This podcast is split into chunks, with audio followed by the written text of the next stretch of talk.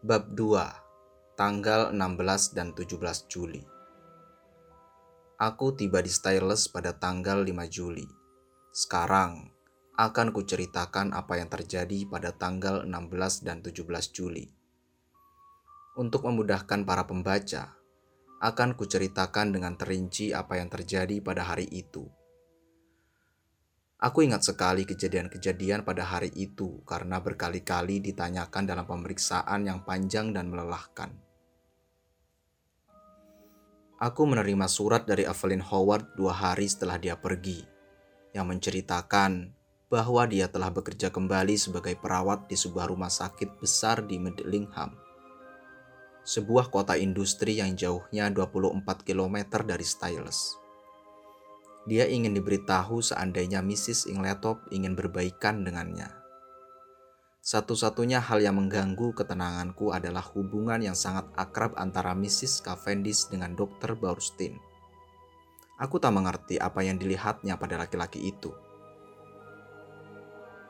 Tanggal 16 Juli jatuh pada hari Senin. Hari itu sangat kacau. Bazar yang meriah diadakan pada hari Sabtu, dan di dalam kegiatan itu diadakan suatu pertunjukan, yaitu pembacaan puisi perang oleh Mrs. Ingletop pada malam harinya. Sepanjang pagi kami semua sibuk menghiasi gedung pertemuan desa, tempat diselenggarakannya bazar tersebut. Kami makan siang lalu beristirahat di taman setelah makan. Aku melihat sikap John tidak seperti biasa. Dia tampak gelisah. Setelah minum teh, Mrs. Ingletop berbaring sebentar untuk beristirahat sebelum melakukan pertunjukan nanti malam. Aku menantang Mary Cavendish untuk main tenis. Pada pukul tujuh kurang seperempat, Mrs. Ingletop memanggil kami dan mengatakan bahwa kami pasti terlambat karena makan malam akan dihidangkan lebih awal. Kami tergesa-gesa bersiap, dan sebelum selesai makan, mobil telah menunggu di pintu.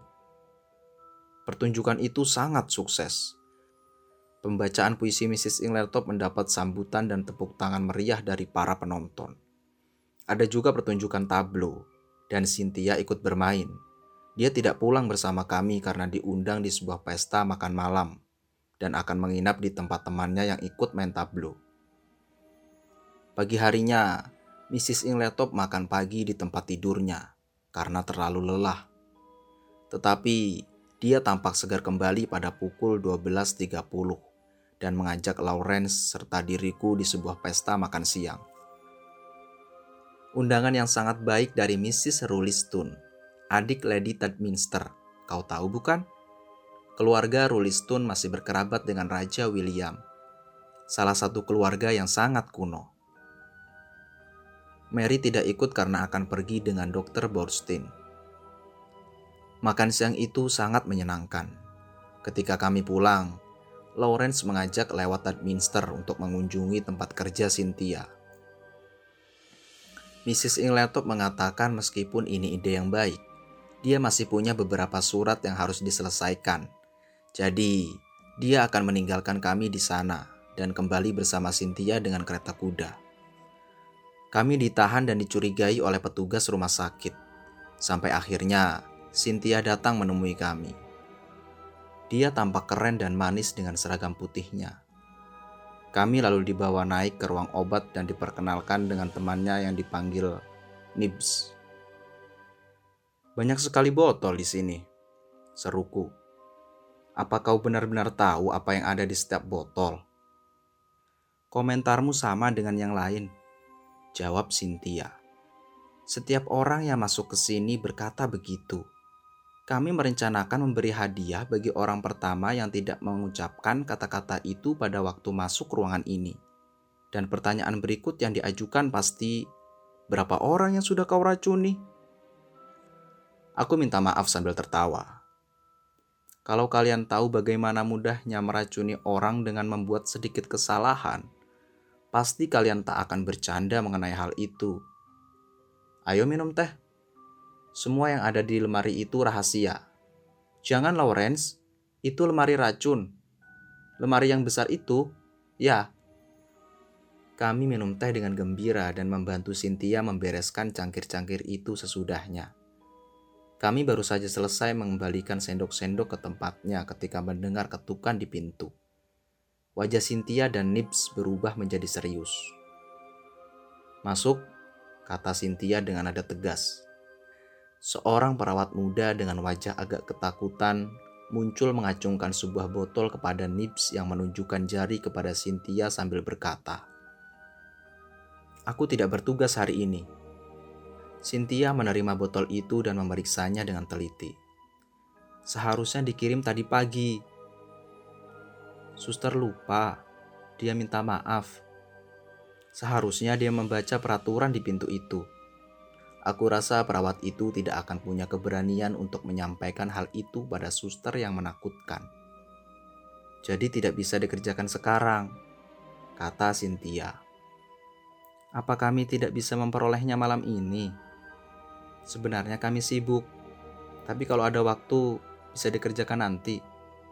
Jawab Cynthia bermurah hati.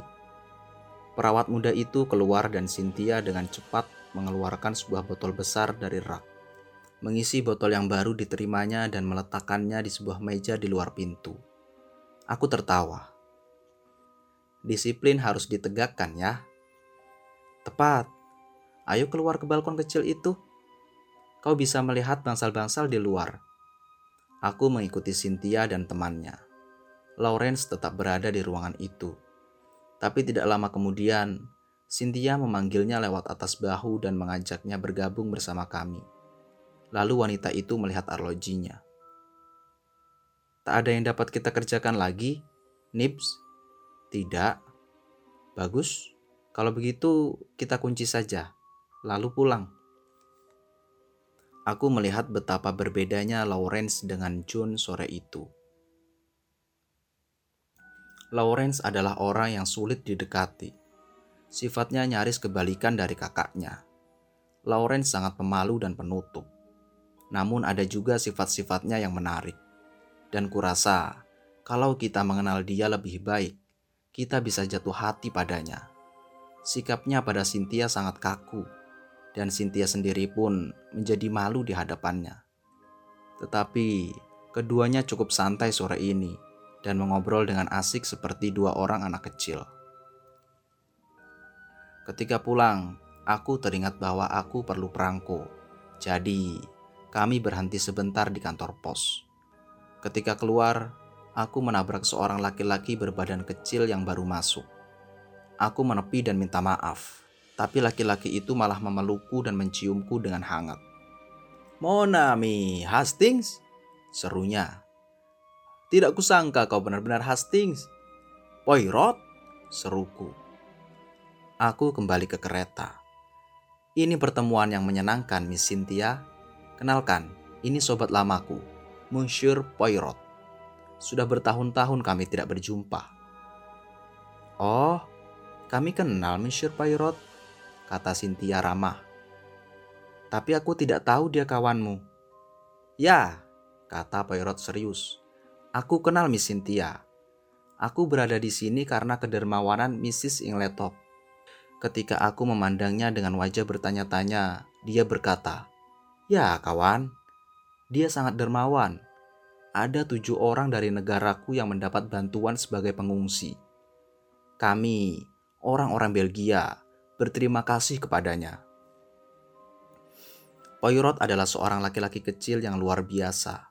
Tingginya tidak lebih dari 1,6 meter, tetapi sangat berwibawa. Kepalanya berbentuk seperti telur dan selalu miring sedikit ke satu sisi. Kumisnya sangat kaku, pakaiannya rapi sekali. Kurasa dia akan merasa lebih sakit bila ada setitik debu menempel di bajunya daripada sebutir peluru bersarang di tubuhnya. Tetapi laki-laki yang pernah menjadi anggota kepolisian Belgia yang disegani itu sekarang agak pincang. Sebagai seorang detektif, bakatnya memang luar biasa. Dia mampu menyelesaikan kasus-kasus yang paling memusingkan di masa itu. Dia menunjukkan kepadaku sebuah rumah kecil yang didiaminya bersama teman-teman Belgianya. Aku berjanji akan menjenguknya suatu ketika nanti. Dia mengangkat topinya dengan sikap berlebihan pada Cynthia, dan kami pun meneruskan perjalanan. Dia laki-laki kecil yang menyenangkan, kata Cynthia. Aku tidak tahu kau kenal dia. Tanpa kau sadari, kau telah bertemu dengan seorang pria ternama. Lalu sepanjang jalan aku pun menceritakan keberhasilan Poirot menangani berbagai kasus. Kami tiba di rumah dengan hati yang amat ceria. Ketika kami masuk, Mrs. Ingletop keluar dari kamar kerjanya. Wajahnya merah dan kelihatan sedih. Oh, kalian, katanya. Ada apa Bibi Emily? Tanya Cynthia. Tidak ada apa-apa, jawabnya ketus. Memangnya kenapa? Ketika dia melihat Dorcas sang pelayan kamar berjalan ke ruang makan. Ia memanggil pelayan itu untuk membawa perangko ke ruang kerjanya. Ya, Mam, katanya ragu-ragu. Lalu menambahkan, apa Anda tidak istirahat saja? Anda tampak lelah. Barangkali kau benar, Dorcas. Ya, tidak, tidak, tidak, tidak. Tidak sekarang. Aku harus menulis surat dan harus kuselesaikan supaya bisa dikirim nanti. Apa kau telah menyalakan api di kamarku? Sudah, Mam. Kalau begitu, aku akan langsung tidur setelah makan malam. Dia masuk lagi ke dalam ruang kerja, dan Cynthia menatapnya lama. Ya Tuhan, ada apa sih? Tanyanya kepada Lawrence. Kelihatannya Lawrence tidak mendengar, karena dia berbalik badan dan keluar rumah begitu saja tanpa bicara.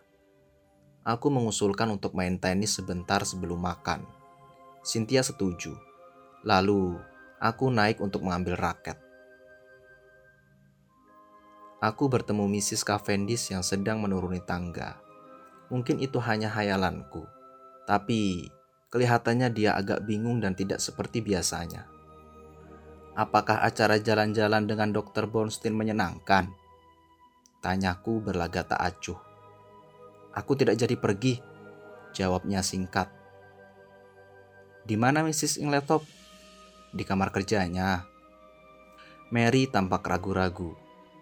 Lalu mengepalkan tangan dan turun ke bawah dengan cepat.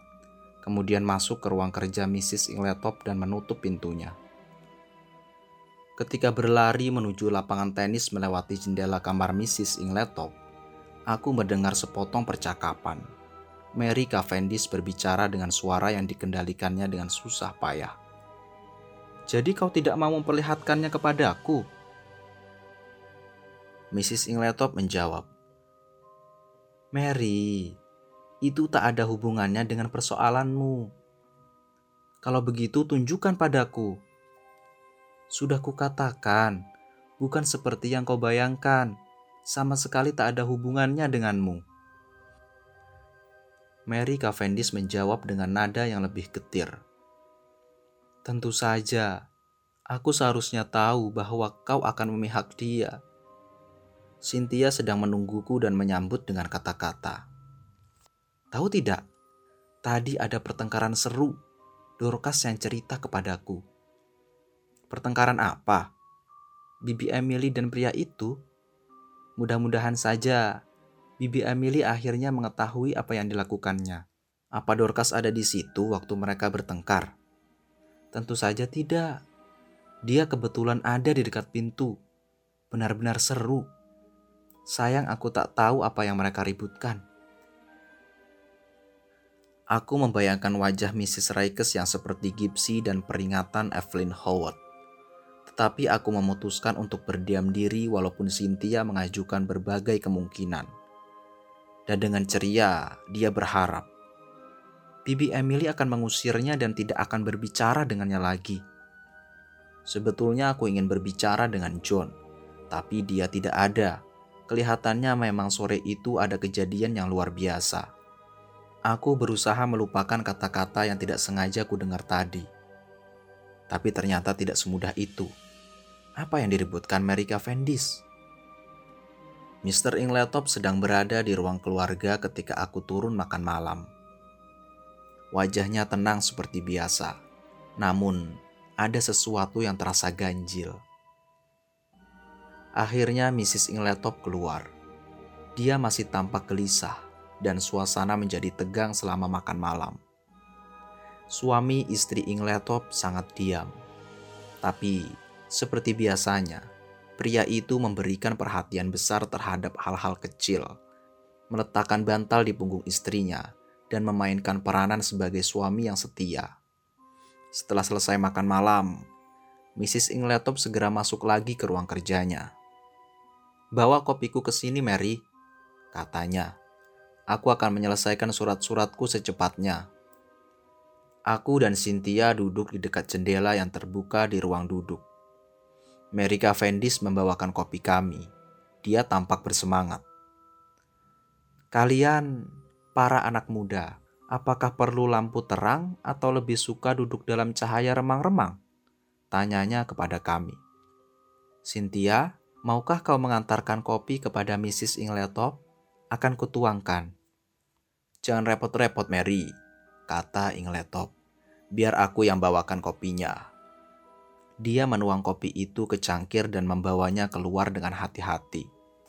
Lawrence mengikutinya lalu Mrs. Cavendish duduk di dekat kami. Kami bertiga diam sejenak. Malam itu indah sekali, panas dan sunyi. Mrs. Cavendish mengipasi dirinya pelan-pelan dengan daun palem. Panas sekali, katanya. Pasti akan hujan lebat malam ini. Sayang, waktu yang menyenangkan itu tidak berlangsung terlalu lama. Ketenangan kami rusak oleh suatu suara yang kami kenal. Dokter Borstein? Seru Cynthia. Kenapa datang di waktu seperti ini? Aku melirik cemburu ke arah Mary Cavendish. Tetapi dia kelihatan biasa saja. Pipinya yang pucat tidak berubah warna. Beberapa saat kemudian, Alfred Ingletop mengajaknya masuk namun sang dokter menolak sambil tertawa dan berkata bahwa dirinya tidak siap untuk duduk di ruang duduk. Memang penampilannya saat itu sangat mengenaskan. Badannya penuh lumpur. Kau sedang apa tadi dokter? Seru Mrs. Cavendish. Maafkan aku, katanya. Sebenarnya aku tak bermaksud kemari. Tapi Mr. Ingletop mendesak. Well, keadaanmu sangat buruk kata John sambil berjalan masuk. Mari minum kopi dan ceritakan kepada kami apa yang baru saja terjadi. Terima kasih.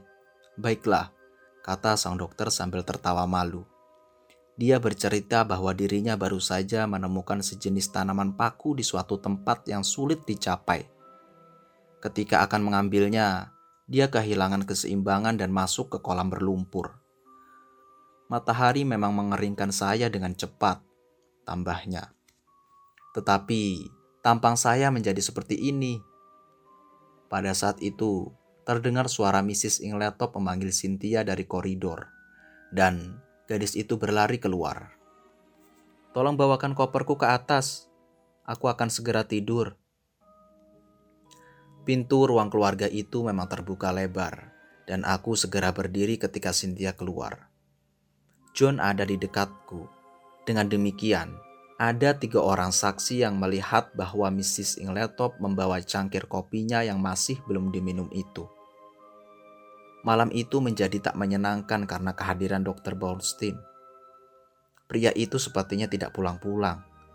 Ketika akhirnya dia berdiri, aku menarik nafas lega. Akan kutemani kau sampai ke desa, kata Mr. Ingletop. Aku harus menemui agen yang menangani pembukuan tanah. Dia berbalik menghadap John sambil berkata, "Tidak perlu menungguku. Aku akan membawa kunci.